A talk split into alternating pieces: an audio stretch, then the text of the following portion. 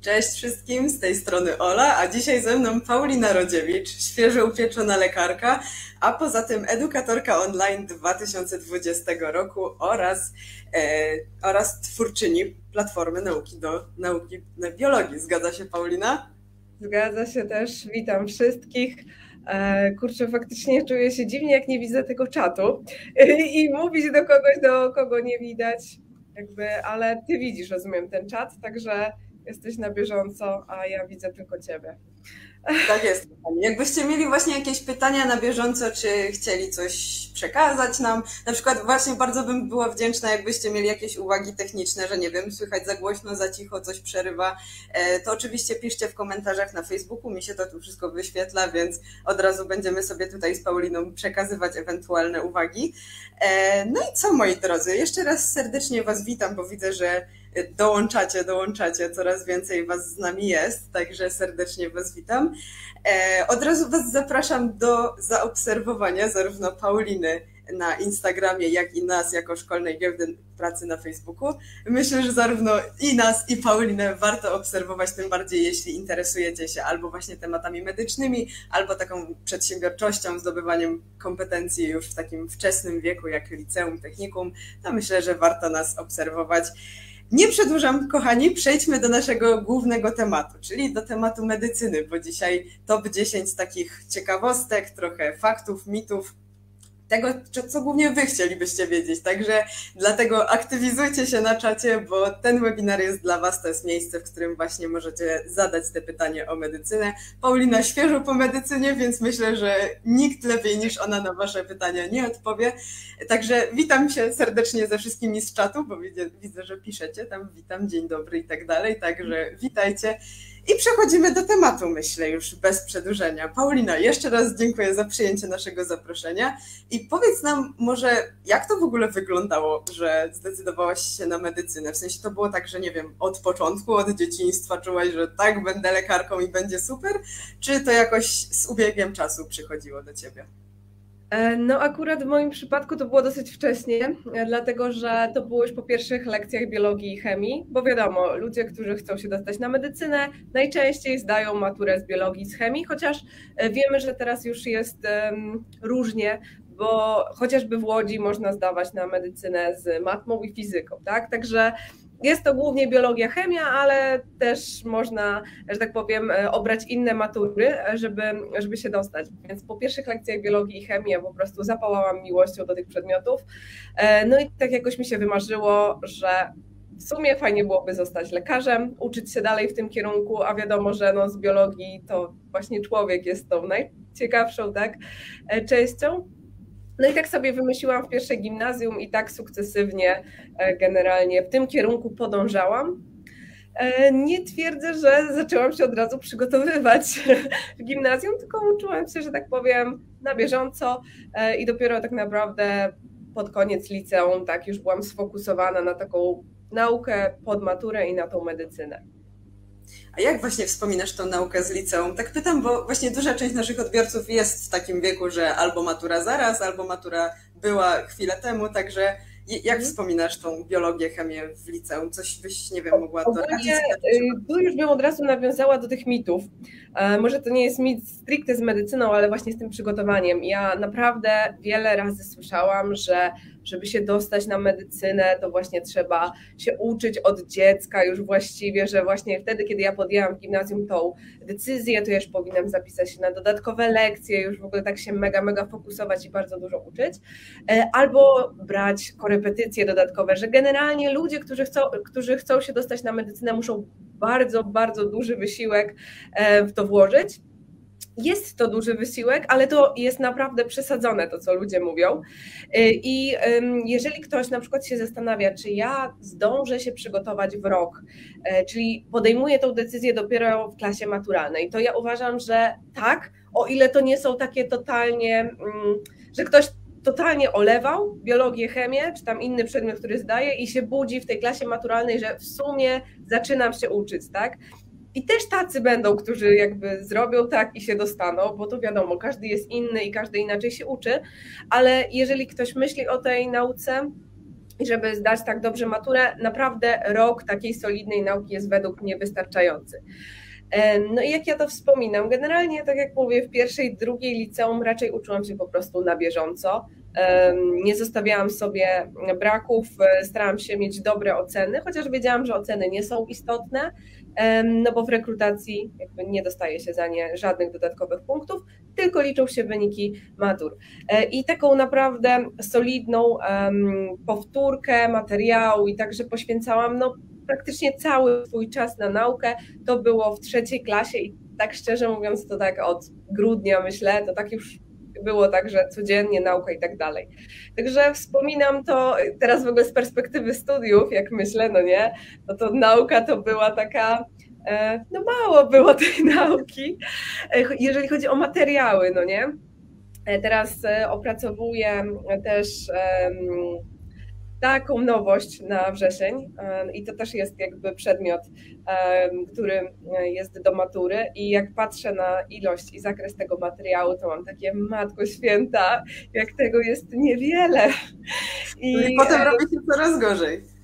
A potem już na medycynie na pewno się robi coraz gorzej, a więc ja sobie dobrze wspominam, chociaż pamiętam, że jakby będąc wtedy w tej klasie maturalnej, no to miałam takie, no dużo tego jest, dużo jest nauki, E, no, a teraz z perspektywy czasu to się człowiek uśmiecha, że no, do pierwszego, lepszego kolokwium jest po prostu no, dużo więcej tak, tego materiału. No także dobrze wspominam przygotowania. Dobra, to jeszcze zanim przejdziemy do tematu samych studiów, to tak myślę, że właśnie lepiej zacząć jeszcze od tego liceum, żeby tutaj trochę powiedzieć. Jakieś może polecasz konkretne sposoby, konkretne źródła, jakiś, nie wiem, taki jeden szczególny mm, lifehack, który powiedzmy ułatwiał Ci tą naukę w trzeciej liceum? Mm, generalnie na pewno e, to, że mm, żeby wszyscy pamiętali o tym, że nauka samej teorii jest zawsze niewystarczająca, bo jakby nauka biologii, a zdawanie później tej biologii na maturze to są dwie różne sprawy E, i generalnie można mieć dużą wiedzę biologiczną, ale ona może jakby wręcz czasem przeszkadzać albo być niewystarczająca, żeby zdać dobrze maturę z biologii. Bo matura z biologii to nie tylko wiedza, to też umiejętność rozwiązywania zadań. Więc jak są osoby, które twierdzą, że matura z biologii to wystarczy wykuć coś tam na pamięć, przyjść na maturę i napisać, no to oni osiągną jakieś tam wyniki, ale to mogą być niewystarczające wyniki, żeby dostać się e, na te studia medyczne. Czyli na pewno nie poprzestawać na nauce samej teorii i robić jak najwięcej zadań, ale ze zrozumieniem, bo tu też nie chodzi o to, że to jest mm, wyścig czy konkurs, kto zrobi więcej, tylko kto zrobi jakby dużo, ale też wnikliwie i ze zrozumieniem. Także no, naprawdę przede wszystkim skupić się na tej praktyce. I to jest według mnie takie, taka najważniejsza rada, którą bym dała osobie, która chce się przygotowywać, żeby robiła jak najwięcej zadań maturalnych, no i żeby jak najwięcej uczyła się po prostu ze zrozumieniem, bo wtedy jest szansa, że to zostanie na dłużej, a nie tylko kiedy czytam, to wiem, a jak zamykam książkę, to nie wiem. Czyli ciśniemy arkusze, ale tak cisnąć te arkusze, żeby tak ze zrozumieniem jednak je robić, żeby coś z tego wyciągać. Tak byś to ujęła. Okej, okay, okej, okay, okej, okay, fajnie. A z takich powiedzmy samych e, rzeczy technicznych co do samej nauki, to znaczy, nie wiem, jak już tam po piątym dniu takiej ostrej nauki już masz dość, to co byś mhm. poleciła takim licealistom? No właśnie ja bym na pewno, e, i to byłoby coś, co ja bym pewnie zmieniła w swoich przygotowaniach, ja, jak byłam młodsza, nie umiałam właśnie sobie odpuścić i odpoczywać.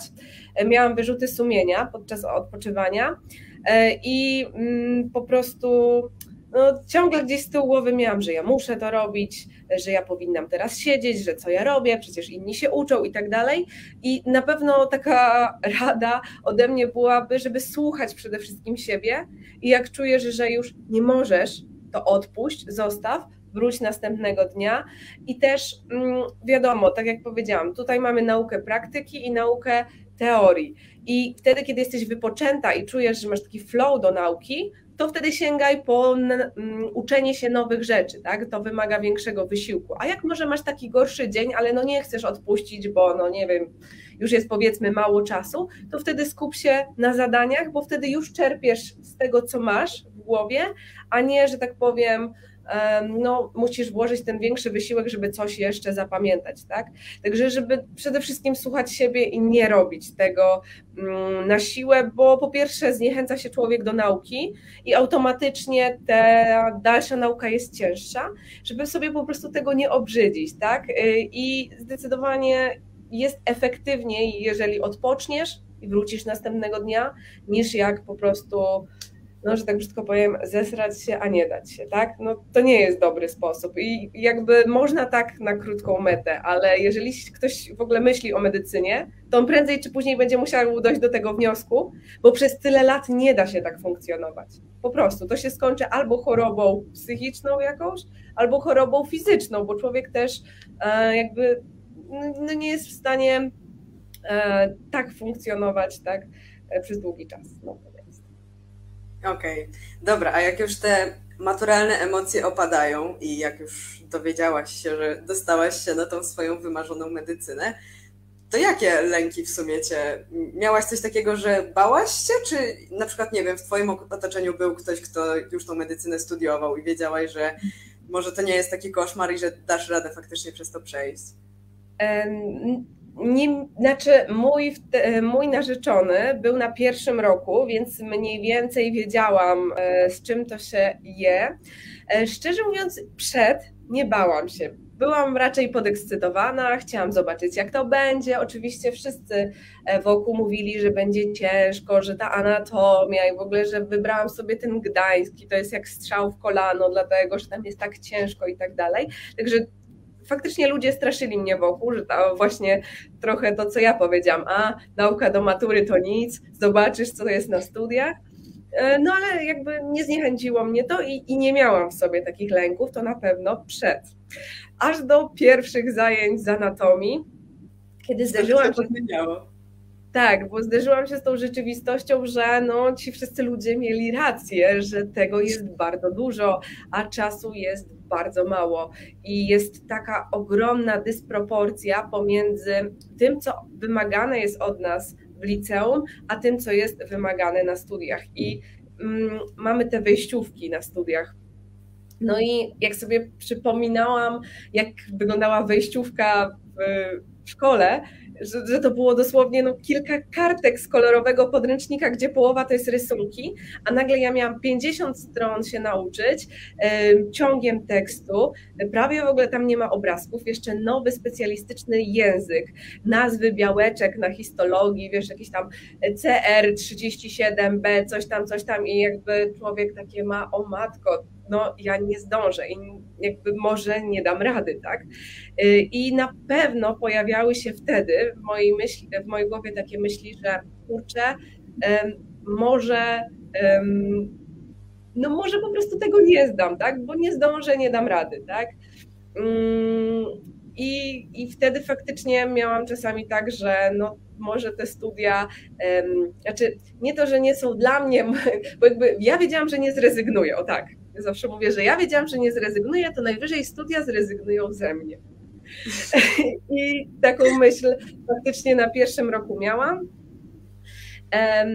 I no to tak jak mówię, jest ten, ta przepaść, że jest nagle bardzo dużo materiału i jest bardzo mało czasu. Bo jak jesteśmy w szkole, to wychodzimy o 13, 14 do domu, tam niektórzy troszkę później, ale generalnie później mamy czas dla siebie i jakoś jest um, te, odpowiednia ilość, żeby się przygotować. Natomiast na studiach mamy ten plan bardzo porozrzucany. Zajęcia, ja potrafiłam wychodzić z domu o 8, a wracać o 20 no to pytanie, kiedy się przygotować na ten następny dzień. E, musiałam po prostu nauczyć się organizować sobie czas, musiałam nauczyć się wykorzystywać te okienka w trakcie, uczyć się w bibliotece, no a czasami musiałam wstać rano, żeby nauczyć się na dane zajęcia, bo poprzedniego dnia nie było czasu. Więc na pewno to, na co trzeba być gotowym na pierwszym roku, to ta przepaść pomiędzy ilością materiału i ilością czasu i że totalnie na nowo musisz nauczyć się uczyć, bo teraz będziesz musiała przyswajać takie duże ilości materiału, że twój mózg nie jest jeszcze um, na to gotowy. On się dopiero tego nauczy. Ale każdy to przechodził i e, z większymi lub mniejszymi potknięciami, o tak powiem. I na pewno też pierwsze zajęcia z anatomii, no właśnie, trzeba było znaleźć ten swój sposób nauki. I jak jeszcze histologia była dla mnie, jakoś to szybko jakby e, znalazłam sposób, tak anatomia okazała się, że nie mogłam, tak po omacku się uczyłam, totalnie jakby nieefektywnie. Skąd wiem, że nieefektywnie, bo przychodziłam na zajęcia i były wejściówki e, i ja z tych wejściówek, naprawdę ze wszystkich wejściówek do tego pierwszego kolokwium miałam zero punktów. Ja nic nie byłam w stanie rozpoznać z tych preparatów, dlatego że zupełnie to inaczej wygląda w atlasie kolorowym, a zupełnie inaczej na żywo, e, jak już widzisz te zwłoki, które są też w zupełnie innym stanie, tak, niż to, co widzisz na obrazku. No i e, to był chyba taki główny moment mojego zwątpienia na tych studiach. No bo jeżeli ja się uczę, a efekt jest zero, no to znaczy, że może, może ja po prostu tego nie przepchnę. Ale ostatecznie skończyło się to happy endem, bo pierwsze kolokwium zdałam i to w sumie jako jedna z nielicznych osób, e, ale na pewno ilość mm, łez i wysiłku, który musiałam w to włożyć, był bardzo, bardzo duży. No i nie ukrywam, ten sukces na tym kolokwium sprawił, że miałam takie, no dobra, no to jeżeli się udało, no to mam motywację do tego, żeby pracować dalej. I już szczerze, później na studiach nie miałam takiego moment, takich momentów, takiego zwątpienia, bo wiedziałam, że okej, okay, za którymś razem albo jakimś tam wysiłkiem, ale nie ma rzeczy, których nie da się nauczyć po prostu to myślisz, że właśnie ta sytuacja była takim punktem zwrotnym, jeśli chodzi o tą Twoją organizację nauki i, i samo w zasadzie podejście do studiowania? To, to był ten taki punkt zwrotny, czy było coś jeszcze innego? Nie, to chyba był taki główny punkt zwrotny, że ja wtedy odkryłam, że mm, jestem w stanie nauczyć się wszystkiego. Myślę, że był jeszcze taki drugi punkt. E, to było na trzecim roku, kiedy trochę ponad. E, mm, dowiedziałam się, że będę miała termin zero i że mam na przygotowanie około tygodnia. I miałam tydzień na przyswojenie całej teorii z farmakologii. Czyli to jest jak nauka nowego języka, no nie oszukujmy się. E, no i w pierwszej chwili pomyślałam, Jezus Maria, to jest niewykonalne, ale wychodząc z tego terminu zero, miałam takie, no Paulina, naprawdę nie ma rzeczy, których się nie da nauczyć. I jak jest ten żart, że E, tam na Politechnice i na uniwersytecie i, właśnie na medycznym e, mówią, żeby nauczyć się książki telefonicznej, to na Politechnice pytają po co, e, na uniwersytecie mówią, no, że nie będą tego robić, a na medycznym pytają się na kiedy. No i tak to właśnie wygląda. Okej. Okay. I rozmawiałyśmy jeszcze tutaj o tej anatomii i widzę, że pierwsze pytanie, które się pojawiło od naszych widzów jest właśnie o anatomii, więc może od razu je tutaj e, Ci mhm. zadam, żeby, żeby już w tym temacie na chwilę zostać.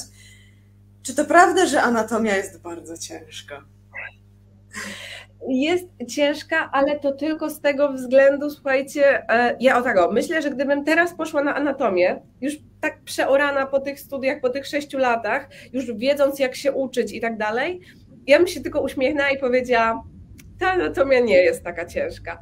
Ale jako, że to jest ten przeskok pomiędzy liceum, a studiami. I że to jest taki mm, no, najważniejszy przedmiot na pierwszym roku, to dlatego ona jest taka ciężka. Bo po prostu właśnie na anatomii będziecie musieli jakby zmierzyć się z tym ogromem e, materiału, będziecie musieli właśnie połączyć teorię i praktykę, co wcześniej jednak w szkole nie jest jakoś specjalnie ćwiczone, prawda? My się uczymy głównie w szkole teorii, a na studiach wymagają od nas i teorii, i praktyki. I musimy to, co jesteśmy w stanie w domu się nauczyć teoretycznie, przyjść na zajęcia i umieć praktycznie. To też nie jest e, takie proste. Więc jakby dlatego ta anatomia jest taka ciężka. Gwarantuję Wam, że pójdziecie dalej i będą cięższe przedmioty niż anatomia, tylko Wy już po prostu będziecie mieli spokojniejszą głowę, będziecie takie spoko, nauczę się, wiem jak się e, uczyć, jakby zupełnie inne się ma podejście i przez to też te przedmioty wydają się, że są prostsze czy łatwiej przyswajalne dla Was. No, jakby z perspektywy czasu to zdecydowanie egzamin z interny to było to było coś. No przecież e, interna to jest przedmiot, którego uczymy się od trzeciego roku i na szóstym zdajemy egzamin. To jest podręcznik do internetu, jest taka gruba kobyła, pisana na takich cieniutkich karteczkach, takim też drobnym druczkiem, ale no już podchodzisz do tego, dobra, już tyle lat studiuję, to jest ostatni egzamin, no ja nie dam rady, no dam radę. No właśnie tutaj mnie trochę wyprzedziłaś, bo chciałam Ci zadać pytanie, jak tak z perspektywy osoby, która już te studia skończyła, co było tym takim najgorszym przedmiotem, na który, no może nie wiem, czy nie chciało Ci się uczyć, bo no musiałaś, ale który Ci tak na przykład wyjątkowo opornie przychodził, a który był właśnie taki przyjemniutki, że dla niego żyłaś na tych studiach? No, oczywiście ta anatomia mi opornie szła, dlatego że źle się jej uczyłam po prostu, więc od razu jak mnie słuchacie, nie uczcie się suchej teorii z książek. To był mój podstawowy błąd. Ja czytałam anatomię, ale nie oglądałam tego jednocześnie w atlasie. I jakby nie miałam tego wyobrażenia przestrzennego. Dopiero jak do egzaminu zaczęłam się uczyć tak, że czytałam teorię w książce, a jednocześnie śledziłam na atlasie fotograficznym, jak przebiegają te nerwy, jak topograficznie mięśnie e, leżą, to zaczęło się to w mojej głowie układać. Więc na pewno anatomia szła mi bardzo opornie, a chyba tak najbardziej, najgorzej ze wszystkiego to wspominam tą farmakologię, dlatego że zajęcia były bardzo nudne, bardzo długie, to były cztery godziny zajęć, ja tam siedziałam i tylko patrzyłam na zegarek, naprawdę, jak na skazanie. E, straszne to było. No i bardzo dużo nazw, bardzo dużo takiej wiedzy. Uczysz się farmakologii, uczysz się jakby jak leczyć choroby, których tak naprawdę jeszcze nie znasz. No więc to jest trochę takie, no trzeba przez to przejść po prostu. Dla mnie farma była najgorsza zdecydowanie. A interna, interna była obszerna, ale też jest takie zwieńczenie, taka kropka nad i medycyny, czyli ty już masz taką całą wiedzę, którą wcześniej zdobyłaś z patofizjologii, właśnie z anatomii, z fizjologii i tak dalej, farmakologii i teraz wszystko to zbierasz w całość i masz takie wow, to wszystko się łączy, to ma sens, jakby jest tak, no przyjemnie się tego uczy, to jest takie zebranie wszystkiego do kupy. To jeszcze jak o tych przedmiotach, to pytanie kolejne od naszych widzów. Czy biochemia rzeczywiście jest taka cię... męcząca, przepraszam? Tak, biochemia też była męcząca. Pamiętajcie, że też wszystko zależy od katedry. Na różnych uczelniach różne katedry będą sobie wymyślały różne formy tyrania studenta, tak to nazwijmy. I będą takie katedry, które będą bardzo przyjaźnie nastawione do Was i nawet, że to będzie to katedra biochemii, ale oni będą fajnie prowadzić te zajęcia, będą wymagali tyle, ile trzeba. E, na przykład u nas nie trzeba było uczyć się wzorów, więc jakby dla mnie super, no bo nie ukrywajmy, zapytajcie się kogokolwiek e, na szóstym roku, czy on pamięta, jak uczył się tych wzorów. Jestem pewna, że może zapamiętał jakieś podstawowe rzeczy. A wiem, że na Gumedzie oni od nich wymagali znajomości wzorów, więc zupełnie inaczej będzie wspominał biochemię uczeń e, czy tam student Gumedu, a inaczej Olsztyna. Więc jakby ja pamiętam, że biochemia faktycznie nie była super przyjemna, ale też oni nas jakoś super nie styrali, więc jakby do zniesienia. A jeszcze tak a, a propos swojego y, uniwersytetu, na którym ty studiowałaś, było właśnie coś takiego, co porównywałaś sobie powiedzmy ze znajomymi, że u nich to na przykład wygląda gorzej i jesteś w stanie powiedzieć, co to jest za uniwersytet na przykład, na co trzeba się nastawić, a na przykład u ciebie to było poprowadzone lepiej.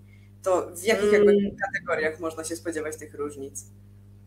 Znaczy, no to tak jak mówię, tutaj można by było naprawdę wziąć studentów z każdego uniwersytetu w Polsce i e, porównywać każdy rok i każdy by powiedział tak, u nas na pierwszym roku najcięższa była anatomia. Ktoś powie, u nas na pierwszym roku najcięższa była biofizyka, bo po prostu jest taka katedra, jest jakiś tam określony profesor i oni na przykład bardzo, bardzo dużo wymagają albo robią trudne te kolokwia i zaliczenia. Przykładowo mam porównanie mm, mm, z pierwszego roku. Myślę, że anatomia jest porównywalnie ciężka w Olsztynie, jak i na Gumedzie, chociaż ja e, oczywiście będę mówiła, że na Gumedzie jest cięższa, e, bo są po prostu gorsze gorsza forma mm, i zasady zaliczeń. Są tylko trzy kolokwia, nie można poprawiać. Mieliśmy też kolokwium otwarte, co zawsze jest trudniejsze niż zamknięte, oczywiście, a tutaj były zamknięte. Więc powiedzmy, że ta anatomia jest porównywalna, ale biofizyka zdecydowanie tutaj w Olsztynie jest ciężka biofizyka. Są ludzie, którzy nie zaliczają tego i muszą poprawiać przedmiot, a na Gumedzie y, była bardzo przyjemna, bardzo przyjemne zaliczenie. Nawet osoby, które fizyki nie za bardzo kumają, zdałyby to, a tu myślę, że w Olsztynie były na tyle ciężkie zadania, no, że ktoś, kto nie rozumie, po prostu musiał powtarzać. Więc myślę, że naprawdę można by było i na, na każdym roku tak po, poznajdywać takie przedmioty, które są po prostu ciężkie. Tak? I to zależy tylko od katedry i tak jak powiedziałam, profesora, a nie stricte od tego, jaki to jest przedmiot. Okej, okay, tutaj jeszcze od razu pytanie a propos tych uniwersytetów. Czy jeszcze jakieś rady przed pierwszym rokiem na UWM? Kurczę, rady przed pierwszym rokiem. Mm, no poza tym, że co, co powiedziałam, bo tak myślę sobie, bo ja tutaj ciężko mi powiedzieć o rady na UWM na pierwszy rok, bo tak jak mówię, byłam w Gdańsku na pierwszym roku, więc też mi się ciężko odnieść do jakiejkolwiek katedry, która prowadzi zajęcia na pierwszym roku, więc może nie jest to dobre pytanie stricte o UWM, tylko bardziej jakieś takie rady ogólnie idąc na pierwszy rok. E, to, to, co na pewno powiedziałam, niezapominanie o tym odpoczynku i pozwolenie sobie na to. E, próba właśnie zorganizowania sobie dnia, e, czyli znaleźć, korzystać z tych wolnych momentów w trakcie mm, dnia, czyli tych tak zwanych okienek na naukę, bo jak wrócicie późno do domu, to naprawdę jest ciężko się zabrać za naukę. Nie słuchać ludzi, którzy będą was straszyć. Będą mówić, że nie wiem, to jest takie ciężkie, że nie dacie rady, że ileś tam osób tego nie zdało, e, bo słuchajcie, ile ludzi to zdało, tak? Nie skupiać się na tym straszakach, bo będzie ich bardzo dużo. Kolejna sprawa, odcinać się od osób, które przed zaliczeniami będą się nakręcać. Będą się nakręcać, że oni nic nie umieją, będą rzucać nagle w eter jakieś takie zagadnienie ciężkie, pytać, a jak to jest po angielsku, e, a coś tam, a czy uczyłeś się coś tamtego? I generalnie przed egzaminem otaczajcie się ludźmi, którzy tak na spokojnie podchodzą, no tak, co będzie, to będzie, uczyliśmy się, mnie to pamiętam strasznie, strasznie stresowało, a ta panika przed tymi szczególnie pierwszymi zaliczeniami na studiach, no będzie wysoka, więc nie dajcie się po prostu wciągnąć w to wszystko. E, i nie zniechęcajcie się, jak będą porażki, no bo jest duża szansa, że się Wam po prostu ta noga powinie, e, no bo dopiero się uczycie uczyć. To jest dopiero początek waszego studiowania. To, że nie zaliczycie jakiegoś kolokwium w pierwszym czy nawet w drugim terminie, naprawdę nie determinuje tego, jak później sobie będziecie radzić na studiach, jakimi później będziecie lekarzami. Dajcie sobie po prostu na to wszystko czas i studia to jest właśnie miejsce i czas na na te błędy i na te potknięcia. Także jakby trzeba być po prostu dla siebie wyrozumiałym. A jesteś w stanie na przykład powiedzieć, e, jak wspominasz jakby każdy rok, jakbyś tak miała jeszcze raz się cofnąć i popatrzeć na te swoje studia już teraz po skończeniu ich, jakbyś miała tak powiedzieć, określić powiedzmy każdy rok jakąś inną nazwą. Jak u Ciebie to wyglądało? Że na przykład no, w pierwszym roku to przeważała ta panika i wszystko. Później zaczęło się uspokajać, ale może coś innego się zaczęło. Mhm. No tak, no faktycznie pierwszy rok upłynął pod znakiem nauki, płaczu, takiego czasami zwątpienia, no ale ostatecznie z happy endem, więc ogromna radość, jak się tą anatomię zdało, skończyło się ten pierwszy rok. Drugi rok też wspominam, że był wymagający. Nawet uważam, że tej nauki było chyba więcej, bo u nas e, była ciężka fizjologia. E, mieliśmy ostatecznie otwarty egzamin, tam trzeba było pisać takie no, rozprawki właściwie na różne pytania. E, kolokwia były w formie prawda, fałsz z ujemnymi punktami, jakby co to już tego nie ma, e, więc nie bójcie się, ale my mieliśmy dosyć, dosyć ciężką tą fizjologię, właśnie była ta biochemia, co jest nieprzyjemnym przedmiotem. Generalnie dużo nauki, ale dużo więcej spokoju, bo już na tym drugim roku wiedziałam, że ja dam radę, po prostu. E, trzeci rok to już był taki moment, można powiedzieć, przełomowy, w takim sensie, że zaczęły się e, zajęcia w szpitalu i zaczęło się, mm, zaczęły się takie pierwsze liźnięcie klinik. Czyli już czujesz, że kończy się szkółka, bo na każdym uniwersytecie też będzie inaczej. Często jest taki podział, że przez pierwsze trzy lata macie tak zwaną e, naukę przedkliniczną, ja to nazywam szkółką, dlatego że przychodzicie, siadacie w ławkach, robią wam wejściówki, pytają was.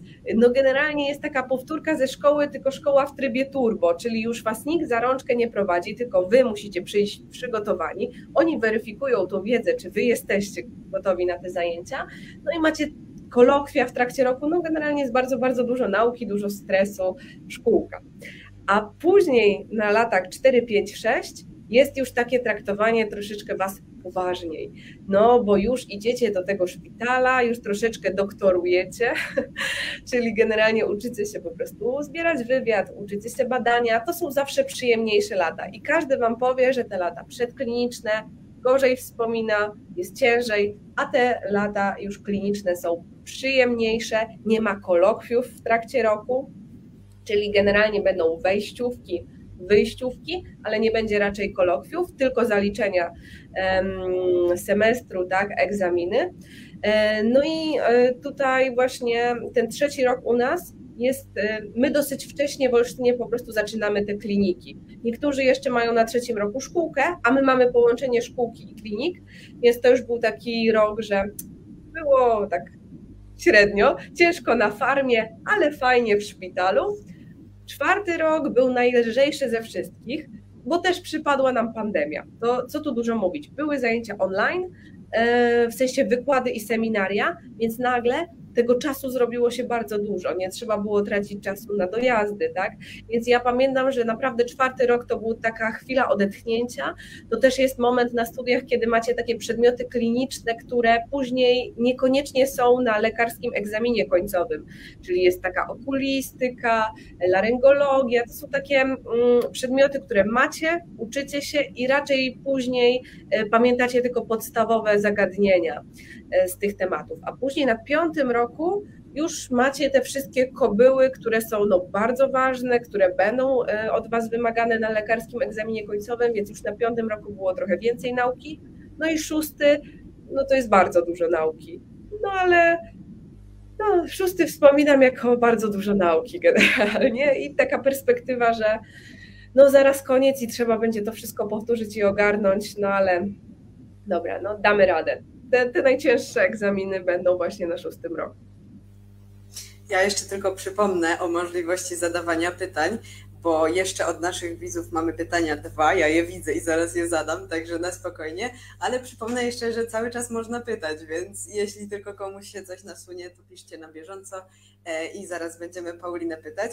A jeszcze takie w sumie pytanie, Paulina, ode mnie co teraz? To znaczy skończyłaś te studia i jak to się teraz u Ciebie będzie toczyło? Mhm.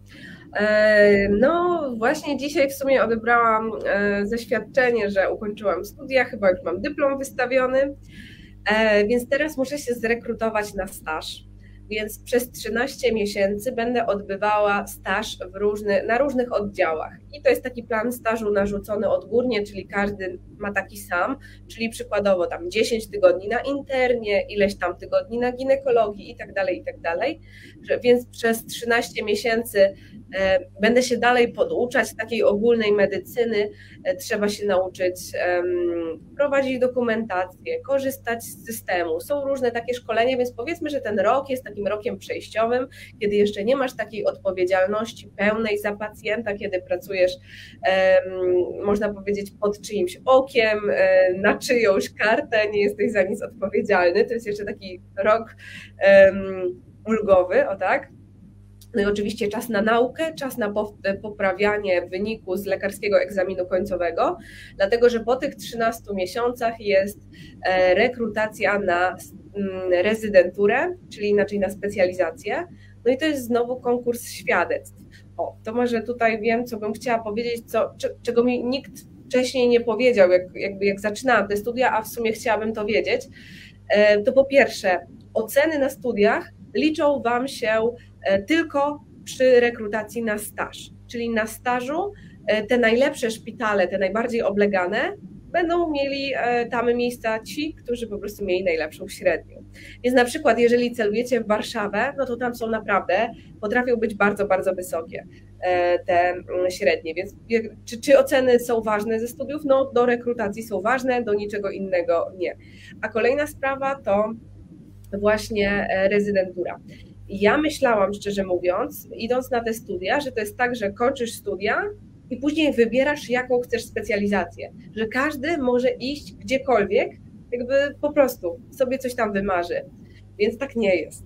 Są określone miejsca. Jest ileś miejsc przyznanych na całą Polskę na różne specjalizacje, i wy znowu macie konkurs świadectw o to, kto będzie miał najlepszy wynik z leku i zajmie te miejsca. E, I przykładowo będą takie specjalizacje, na których tych miejsc jest bardzo mało.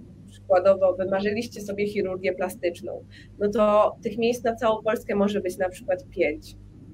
E, albo wymarzyliście sobie dermatologię i też jest bardzo mało tych miejsc. No nie chcę teraz rzucać liczbami, bo to się oczywiście za każdym razem zmienia, bo to wszystko zależy od ministerstwa, ale generalnie raczej jest ich mało. A przykładowo chirurgia ogólna jest to specjalizacja deficytowa i jest więcej miejsc niż chętnych. Więc nie jest tak, że wy sobie wybieracie, wymyślicie i macie 100% gwarancji, że będziecie e, mogli robić tą specjalizację. Czyli dalej jest jakby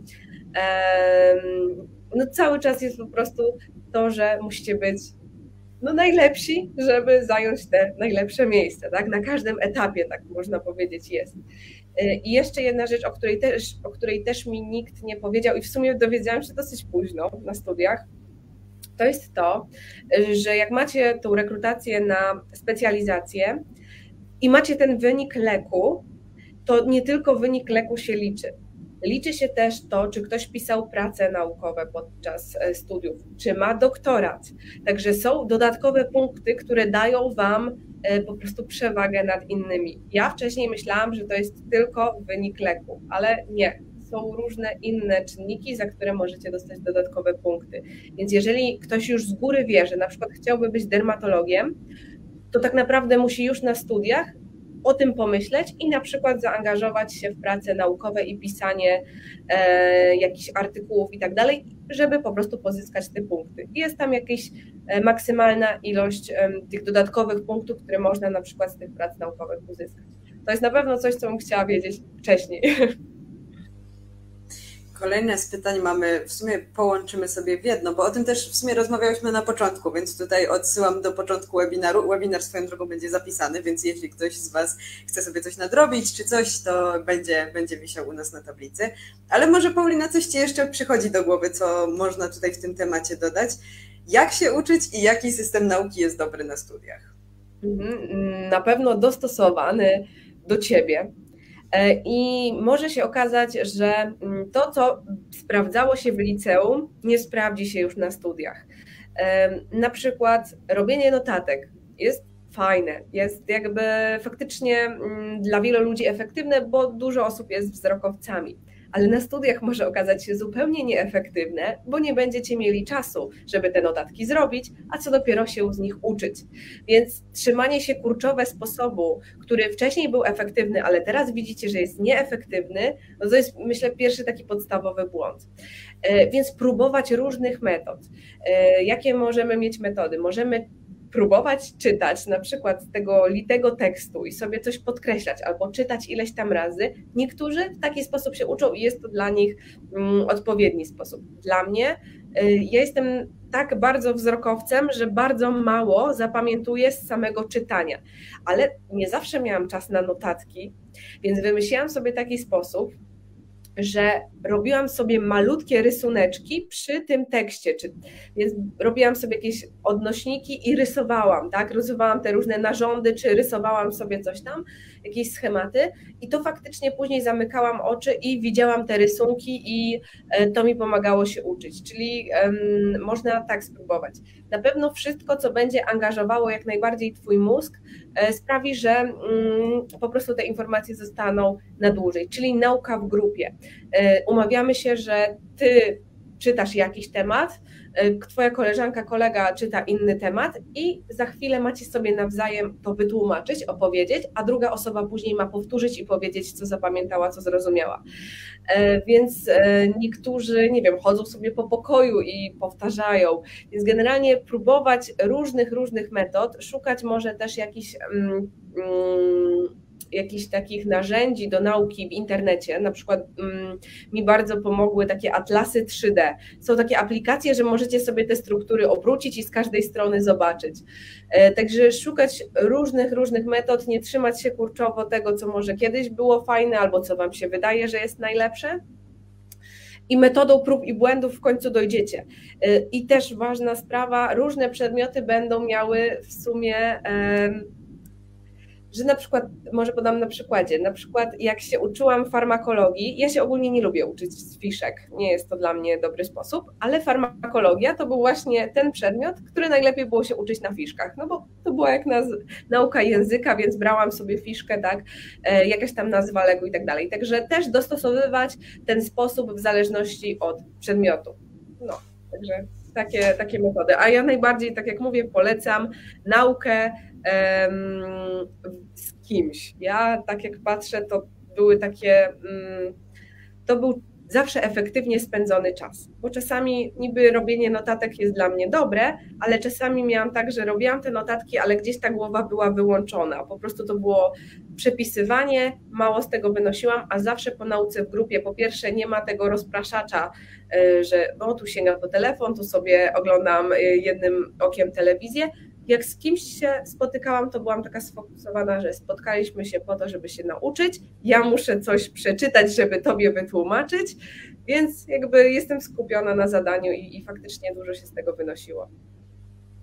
Okej, okay, a wybrałabyś drugi raz gumet? Nie, gumet nie, bo ja się z gumetu przeniosłam. UWM bym wybrała, czyli tam, gdzie skończyłam, to tak. Okej, okay. dobra. Kolejne z tych pytań zadawanych przez widzów. No w sumie takie pytanie, które ja też bym zadała. Jakie pierwsze odczucia podczas pierwszych zajęć w prosektorium? E, ogólnie na Gumedzie nie rzucili nas na głęboką wodę. Pierwsze zajęcia to były kości i to było takie, okej, okay, to są kości. Jakby nie zrobiło to na mnie dużego wrażenia. E, drugie zajęcia to były preparaty mokre. E, I to była kończyna. E, I po prostu to były takie, no same kończyny leżały, tak, sama kończyna górna. Nie leżał cały człowiek, tylko i, i to myślę, że w sumie też jest ważne, bo myślę, że inne wrażenie by na mnie zrobiły całe zwłoki, e, gdzie widzisz twarz, a akurat na gumedzie jest tak, że głowę i szyję omawiacie na sam koniec, więc jakby już jesteście tacy oswojeni z tym widokiem, e, a jednak jest sama kończyna. E, ludzie będą mówili, że nie wiem, że zapach to pachnie formaliną. Formalina ma taki ostry zapach, taki. On nie jest. Mm, nie, no, nie robi się od niego niedobrze, moim zdaniem. On jest specyficzny, taki ostry, nieprzyjemny. No nie chciałabym siedzieć i wąchać tej formaliny tak cały dzień, ale nie jest to też takie, że się robi niedobrze. Nikt u nas nie zemdlał, nikt nie wymiotował, jakby nie było takich rzeczy. Jedynie pamiętam, że była taka osoba, która nie chciała dotykać tych preparatów, bo no, bo miała takie, że no to było kiedyś czyjeś ciało, no to ona nie chce tego dotykać. No ale wiadomo, że z czasem musiała, no bo żeby się czegoś nauczyć, trzeba było czasami coś tam dotknąć. Więc jakby mm, myślę, że te wrażenia z prosektorium będą też zależały od indywidualnej wrażliwości. Y, ja wspominam takie, no ciekawe. No, czekałam na to, chciałam to zobaczyć. Nie było to ani obrzydliwe, ani jakieś takie powodujące, że jest mi słabo. Były dużo gorsze później na studiach momenty niż prosektorium. Jakby prosektorium to jest wersja soft. No i mówię, to wszystko jest wypreparowane, to, to, to nie jest takie straszne. O tak. Natomiast z takich cięższych rzeczy, e, na pewno pierwsza sekcja zwłok e, to jest coś, co może faktycznie się komuś zrobić niedobrze, bo to już jest zapach, y, no 100 razy gorszy, o tak, to naprawdę dużo, dużo gorszy, y, szczególnie jak się otwiera jamę brzuszną, te jelita, może dojść tam do tego, że ta treść y, jakby wydostanie się na zewnątrz, no to to jest taki no, nieprzyjemny zapach. Do tego oni otwierają na przykład czaszkę, więc przy tobie słychać te piłowanie kości. No to są takie um, bardziej, e, jakby to powiedzieć, no, no coś, co może, może się zrobić, nie wiem, słabo, niedobrze, no to tam bardziej. Ale też e, ja stałam przy pierwszym w pierwszym rzędzie, bo byłam ciekawa, jak to wygląda. Nie, nie zrobiło mi się niedobrze, więc to było na pewno ciekawe. I jeszcze jeden moment, kiedy może właśnie się komuś zrobić słabo, to może przy operacjach, e, dlatego że jesteście ubrani w specjalne e, fartuchy, E, macie maski, macie te czepki, generalnie po prostu może się zrobić ciepło, gorąco. I jeszcze jeżeli będą, dojdą do tego jakieś dziwne zapachy, wyglądy i tak dalej, wygląd, no to może niektórzy będą mieli, będą musieli odejść od stołu i chwilę przeczekać. Ale generalnie wszystko jest kwestią naprawdę um, przyzwyczajenia, po prostu. Widzisz to któryś raz i to już przestaje robić na tobie wrażenie. Mamy jeszcze całkiem sporo pytań, a trochę mniej czasu. Mam nadzieję, że zdążymy odpowiedzieć na te, które się przynajmniej do tej pory pojawiły. Mm, ale przechodząc już do następnego, to jeśli ktoś wciąż zastanawia się pomiędzy lekiem a stomatologią, to na jakie pytania powinien sobie odpowiedzieć? Co powinien rozważyć? Mhm. To jest dobre pytanie. Hmm. O tak, powiem. E, nie wiem, jakie pytania powinieneś sobie zadać. Powinnaś, powinieneś, nie wiem, kto to zadał, e, ale na pewno e, perspektywy mogę mniej więcej przedstawić. E, czyli tak, decydując się na stomatologię, już teraz w wieku 19, czy no jeżeli jesteś po maturze, to prawdopodobnie 19 lat, decydujesz się, że całe życie będziesz zajmować się tylko tym rejonem. I jakby już od razu jakby jest fokus tylko na to. Więc jakby nawet nie dajesz sobie możliwości zobaczenia, jak, jak wyglądają te e, inne części medycyny, o tak to nazwijmy. Natomiast idąc na kierunek lekarski, poznajesz wszystko. Masz szansę być na każdym, no prawie każdym oddziale i dopiero na samym końcu podejmujesz decyzję. Ja chcę być specjalistą od tego i tego. To była u mnie przynajmniej taki decydujący argument za tym, że ja jeszcze w wieku 19 lat, ja przecież jeszcze nie wiem, jak ta stomatologia wygląda, jak wygląda leczenie zębów i ja nie chcę jeszcze podejmować tej decyzji, chcę zobaczyć całą medycynę i móc na końcu podjąć decyzję. Mm, więc to jest na pewno taki plus jeżeli chodzi o ten kierunek lekarski w stosunku do stomatologii. Ale teraz plus dla stomatologii, minus dla lekarskiego. Na pewno po studiach stomatologicznych jesteście bardziej, przez to, że już na początku wybraliście, to wy już jesteście bardziej przygotowani do pracy. E, I już szybciej możecie zacząć taką samodzielną e, działalność. Na lekarskim ta droga będzie dłuższa dlatego że uczycie się wszystkiego. E, dopiero później będziecie się uczyć tak właśnie e, bardziej sfokusowani na jakąś tam jedną część, jeden układ, jedną część ciała, no różnie, różnie to będzie. Także na pewno dużo szybciej i dużo łatwiej jest być samodzielnym stomatologiem niż młodym lekarzem. Tutaj masz tą drogę wydłużoną, jesteś zależny bardziej od tych starszych lekarzy, którzy muszą cię później tego nauczyć, jakby dłużej ta edukacja będzie przebiegała. E, no i kolejna sprawa, na stomatologii na pewno jest więcej takiego rzemiosła, uczenia się już na studiach, jak wykonuje się pewne rzeczy, mm, a jednak lekarski będzie bardziej takim kierunkiem teoretycznym. Oczywiście też się uczymy badań i tak dalej, ale wszystko, co już jest takie bardziej specjalistyczne, to już się tak naprawdę uczy na specjalizacji i wtedy się próbuje tak, często niektórych rzeczy po raz pierwszy, a myślę, że na stomatologii po prostu próbuje się tego dużo wcześniej.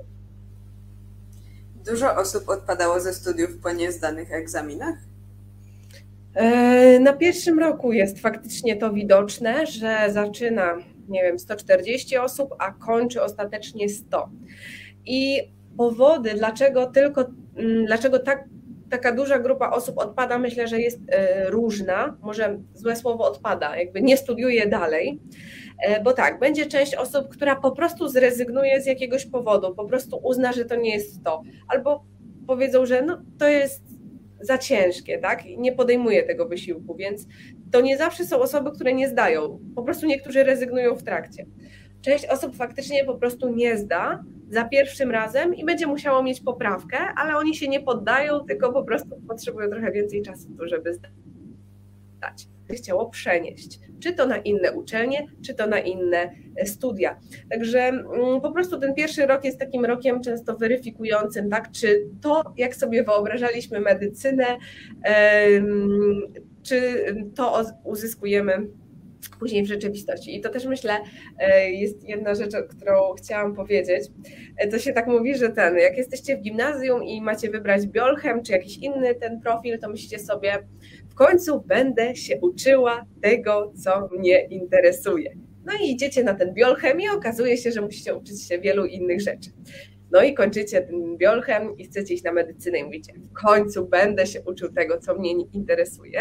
No i wtedy przychodzą takie przedmioty jak historia medycyny, jakieś tam różne inne cudawianki, szczególnie na pierwszym roku jest tego dużo, jakaś właśnie biofizyka, bioinformatyka, gdzie jakby w ogóle myślisz, co na medycynie takie przedmioty, tak?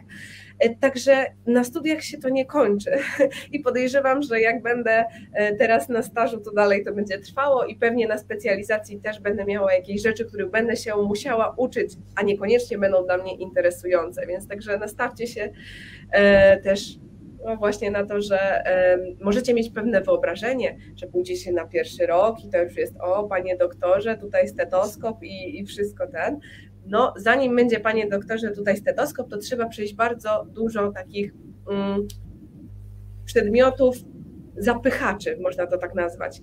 Po prostu e, musicie się uzbroić w cierpliwość i nie miejcie takiego, kurde, ja sobie inaczej to wszystko wyobrażałam, tak? To jest jednak 6 lat studiów i na wszystko przychodzi pora i niestety najpierw trzeba przebrnąć przez tą część przedkliniczną, żeby w końcu ten stetoskop wziąć i zbadać tego pacjenta na tym powiedzmy trzecim roku, może, może wcześniej. E, a propos jeszcze tych specjalizacji, to pytanie mamy takie, czy warto nastawiać się na konkretną specjalizację? Czy to ma jakieś plusy na przykład? Czy jednak warto iść z całkowicie otwartą głową i po prostu zobaczyć, czy coś się wyklaruje w ciągu studiów? E, myślę, że obie, jakby nie ma tutaj lepszego rozwiązania. Na pewno nie warto zrobić tak, że o, ja sobie wymyślam na pierwszym roku, że chcę być ginekologiem i olewam całą resztę medycyny no to, to nie jest dobre. Ale jeżeli jesteś taką, że no bardziej interesuje mnie ginekologia, ale nie olewam wszystkiego innego, ale skoro mnie bardziej interesuje ginekologia, to ja pójdę na koło ginekologiczne, to pochodzę na dyżury, jakby będę bardziej e, zainteresowana danym przedmiotem, e, no to to może być plusem dla ciebie, bo po prostu już wcześniej się zaczniesz czegoś uczyć, też zaczniesz zdobywać pewne jakieś znajomości e, u lekarzy, tak? E, I oni później, jak ty przyjdziesz i powiesz na przykład, chcę tutaj robić specjalizację, to oni powiedzą, nie ma u nas miejsc otwartych, ale specjalnie dla ciebie je otworzymy, bo jest tak, że robienie specjalizacji jest jakby są dwie drogi, można powiedzieć. Te miejsca, które otwiera dla Was ministerstwo, ale też szpital same może otworzyć miejsce. I jak ja rozmawiałam na psychiatrii i mówiłam, no kurczę, fajnie, fajnie, podoba mi się w tym szpitalu, ale no nie otwieracie miejsc rezydenckich e, dla lekarzy, e, dla psychiatrów dzieci i młodzieży, że tutaj nie ma miejsc, no to ja nawet tutaj nie myślę. A wtedy pani powiedziała, Paulina, jak będziesz chciała, to się znajdzie dla ciebie miejsce. Więc to jest też no plus, tak, że wcześniej się zainteresowałam, chodziłam jakby poza zajęciami do tego szpitala na ten oddział i przez to oni wiedzieli, że ja jestem zainteresowana i potencjalnie może będę chciała tutaj po prostu kontynuować swoją naukę. Dobra, y, teraz jeszcze takie pytanie w sumie z innej beczki. Do, której roku, do którego roku możliwe jest podjęcie pracy dorywczej i czy uczniowie korzystają z indywidualnego trybu nauczania? Korzystają, tak, na pewno korzystają i to jest na pewno, na pewno fajne. Nie wiem, jakie są warunki otrzymania takiego indywidualnego nauczania. Na pewno, jak robisz jakieś prace naukowe, działasz generalnie e, naukowo, to takie coś ci przysługuje. Na pewno, jak masz takie rodzinne sprawy, że masz dziecko, e, to też wtedy będziesz miała indywidualny. No to się trzeba dowiedzieć, ale generalnie ludzie dostają ten indywidualny tok. I do którego roku to też zależy, no bo ja znam ludzi, którzy już od początku sobie jakoś tam e, pracę dorywczą organizowali. E, znam ludzi, którzy w ogóle nie będą pracować dorywczo, tak? E, ale tak o, z mojej perspektywy, no na pierwszym roku ja bym nie znalazła czasu na tą pracę. Od drugiego roku ja już regularnie dawałam korepetycje i byłam w stanie ten czas wygospodarować, bo już po prostu lepiej zarządzałam tym czasem. Więc jakby niektórzy już od pierwszego, niektórzy od drugiego, niektórzy jeszcze później. To zależy też od uniwersytetu i ilości nauki i tego, jak się zorganizujecie, ale naprawdę wszystko się uda, jeżeli będziecie bardzo chcieli. Znowu trochę z innej beczki teraz, ale no cały czas się obracamy e, w temacie medycyny. Jakie książki wybrać na pierwszy rok? Prowadzący wymaga jakichś podręczników, czy nie są obowiązkowe? Po pierwsze, zapytać się ludzi ze starszego roku, bo to, co będzie na stronie i będzie wymienione w sylabusie, to tam będziecie mieli różne książki napisane, ale zapytajcie się przede wszystkim ludzi ze starszych lat i oni wam na przykład powiedzą: My nie zajrzeliśmy do tych książek ani razu, uczyliśmy się z prezentacji albo uczyliśmy się ze skryptu. Skrypt to jest takie opracowanie podręcznika skrótowe, więc przede wszystkim nie pytajcie się e, jakby no nie pytajcie się mnie, zapytajcie się konkretnych ludzi z konkretnego uniwersytetu, bo to będzie różnie na każdym, no nie?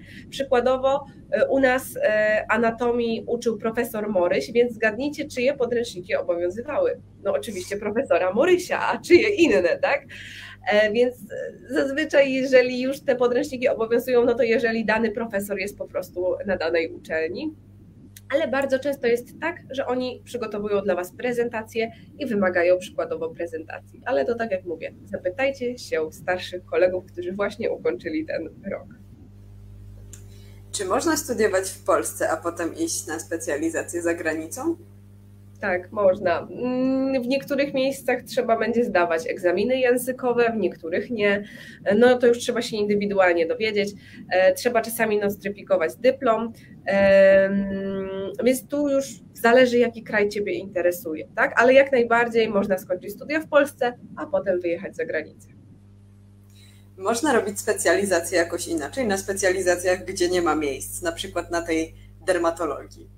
Tak, tak jak powiedziałam, e, są te miejsca rezydenckie i e, jakby forma robienia specjacji pozarezydencka, czyli wtedy po prostu szpital ciebie zatrudnia.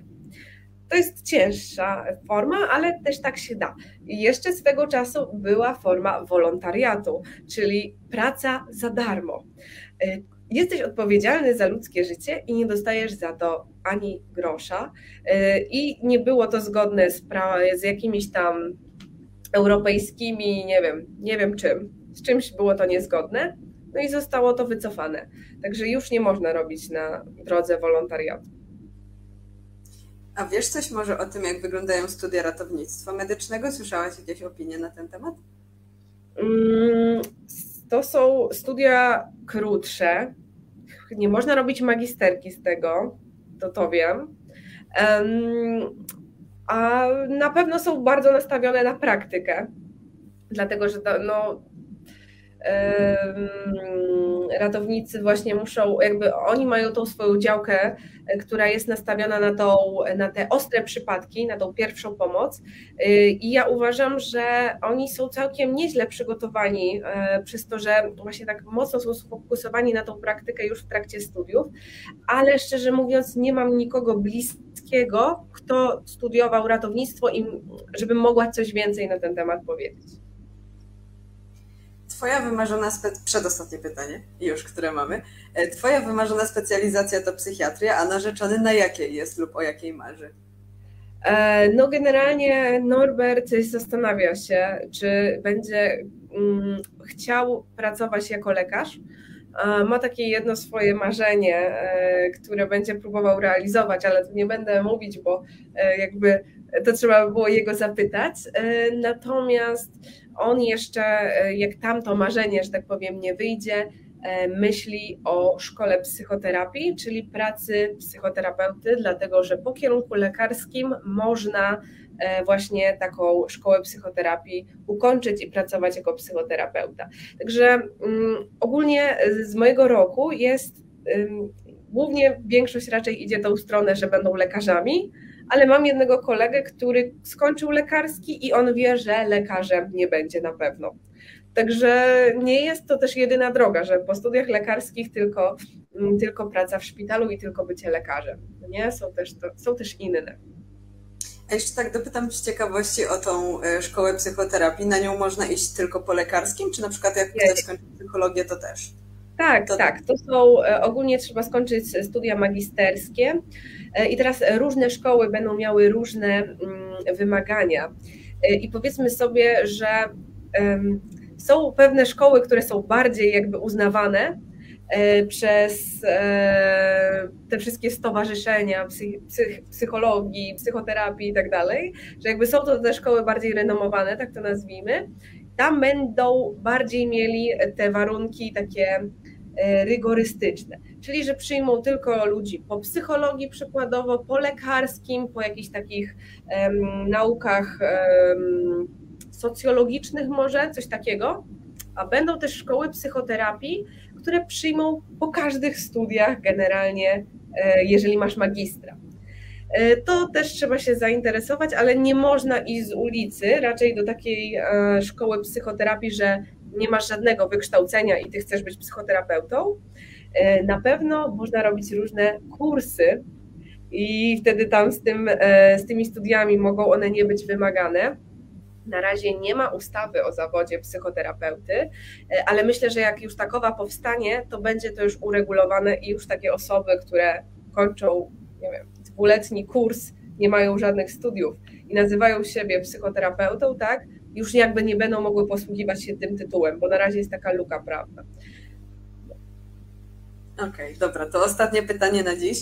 Jak to w końcu jest z ilością godzin, jakie trzeba spędzić na nauce, na nauce dziennie? Uczyłaś się też w każdy weekend, chociaż trochę? Wiem, że dla każdego to co innego, ale takie minimum. Jak to widzisz? E, no to tak, na pewno na pierwszym roku uczyłam się, myślę, że codziennie. Raczej dni, kiedy się nie uczyłam, to był wyjątek i pewnie uczyłam się wiele godzin, tyle ile mi jakby, że tak powiem, pozwalała doba. Natomiast im dalej w studia, tym tej nauki w ciągu dnia było mniej, e, dlatego że tak jak mówię, później już nie ma tych kolokwiów, więc nauka na wejściówkę to automatycznie jest mniej nauki, bo to jest mniejszy zakres materiału. E, ale tak, e, przed sesją, no to moje dni wyglądają jak istny maraton naukowy z przerwą na jedzenie. I nawet do wanny chodzę z notatkami i się uczę. E, albo coś na telefonie rozwiązuje pytania. Także wtedy no, ja pokazywałam kiedyś e, taką aplikację, która liczy godziny i się ludzie mnie pytali, jakim cudem ty taka liczba godzin nauki, że to wychodzi, że ja prawie nic nie robię w ciągu doby, tylko śpię i się uczę. I tak, przed sesją czasami to tak wygląda. Natomiast raczej w trakcie roku e, to podzielę to tak, na te lata przedkliniczne, no to myślę, że prawie codziennie się trzeba uczyć i to będą różne ilości, zależy jak szybko przyswajasz.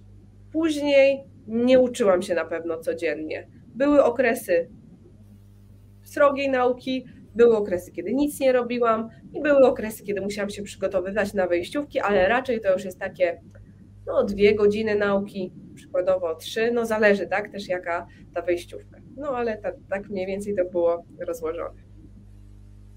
Super, w takim razie słuchajcie, trochę nam się przedłużyło czasowo, ale myślę, że zaspokoiliśmy waszą, zaspokoiłyśmy z Pauliną waszą ciekawość co do e, tematów medycznych. Także jeszcze raz bardzo serdecznie wam dziękuję i za obecność, a za waszą aktywność to już całkiem, bo totalnie imponująca, także dziękujemy za te wszystkie pytania.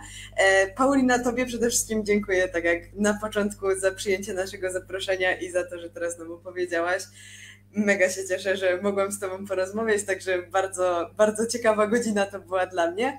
No i słuchajcie, drodzy widzowie, jeszcze raz serdecznie Wam bardzo dziękuję. Zapraszam i do Pauliny na Instagrama, i do nas na Szkolną Giełdę Pracy, i na stronę, i na social media dużo ciekawych rzeczy można tam znaleźć i o takich właśnie kierunkach y, różnych na studia i o kompetencjach miękkich, co nieco u nas możecie znaleźć, a przede wszystkim oferty wolontariatów, staży i pracy dla młodych ludzi, także serdecznie Was do tego zachęcam. Dziękuję serdecznie Wam jeszcze raz za uwagę. Żegnamy się z Wami i do zobaczenia na kolejnym webinarze. No, ja również dziękuję za obecność i również Tobie dziękuję za przemiłą rozmowę i e, za zaproszenie. No, tak jak właśnie powiedziałaś, mam nadzieję, że takie um, na najważniejsze pytania odpowiedziałyśmy w sumie odpowiedziałam i że zaspokoiłam tą ciekawość na temat, jak ta medycyna wygląda i no. Także jeszcze raz dziękuję i może kiedyś do zobaczenia.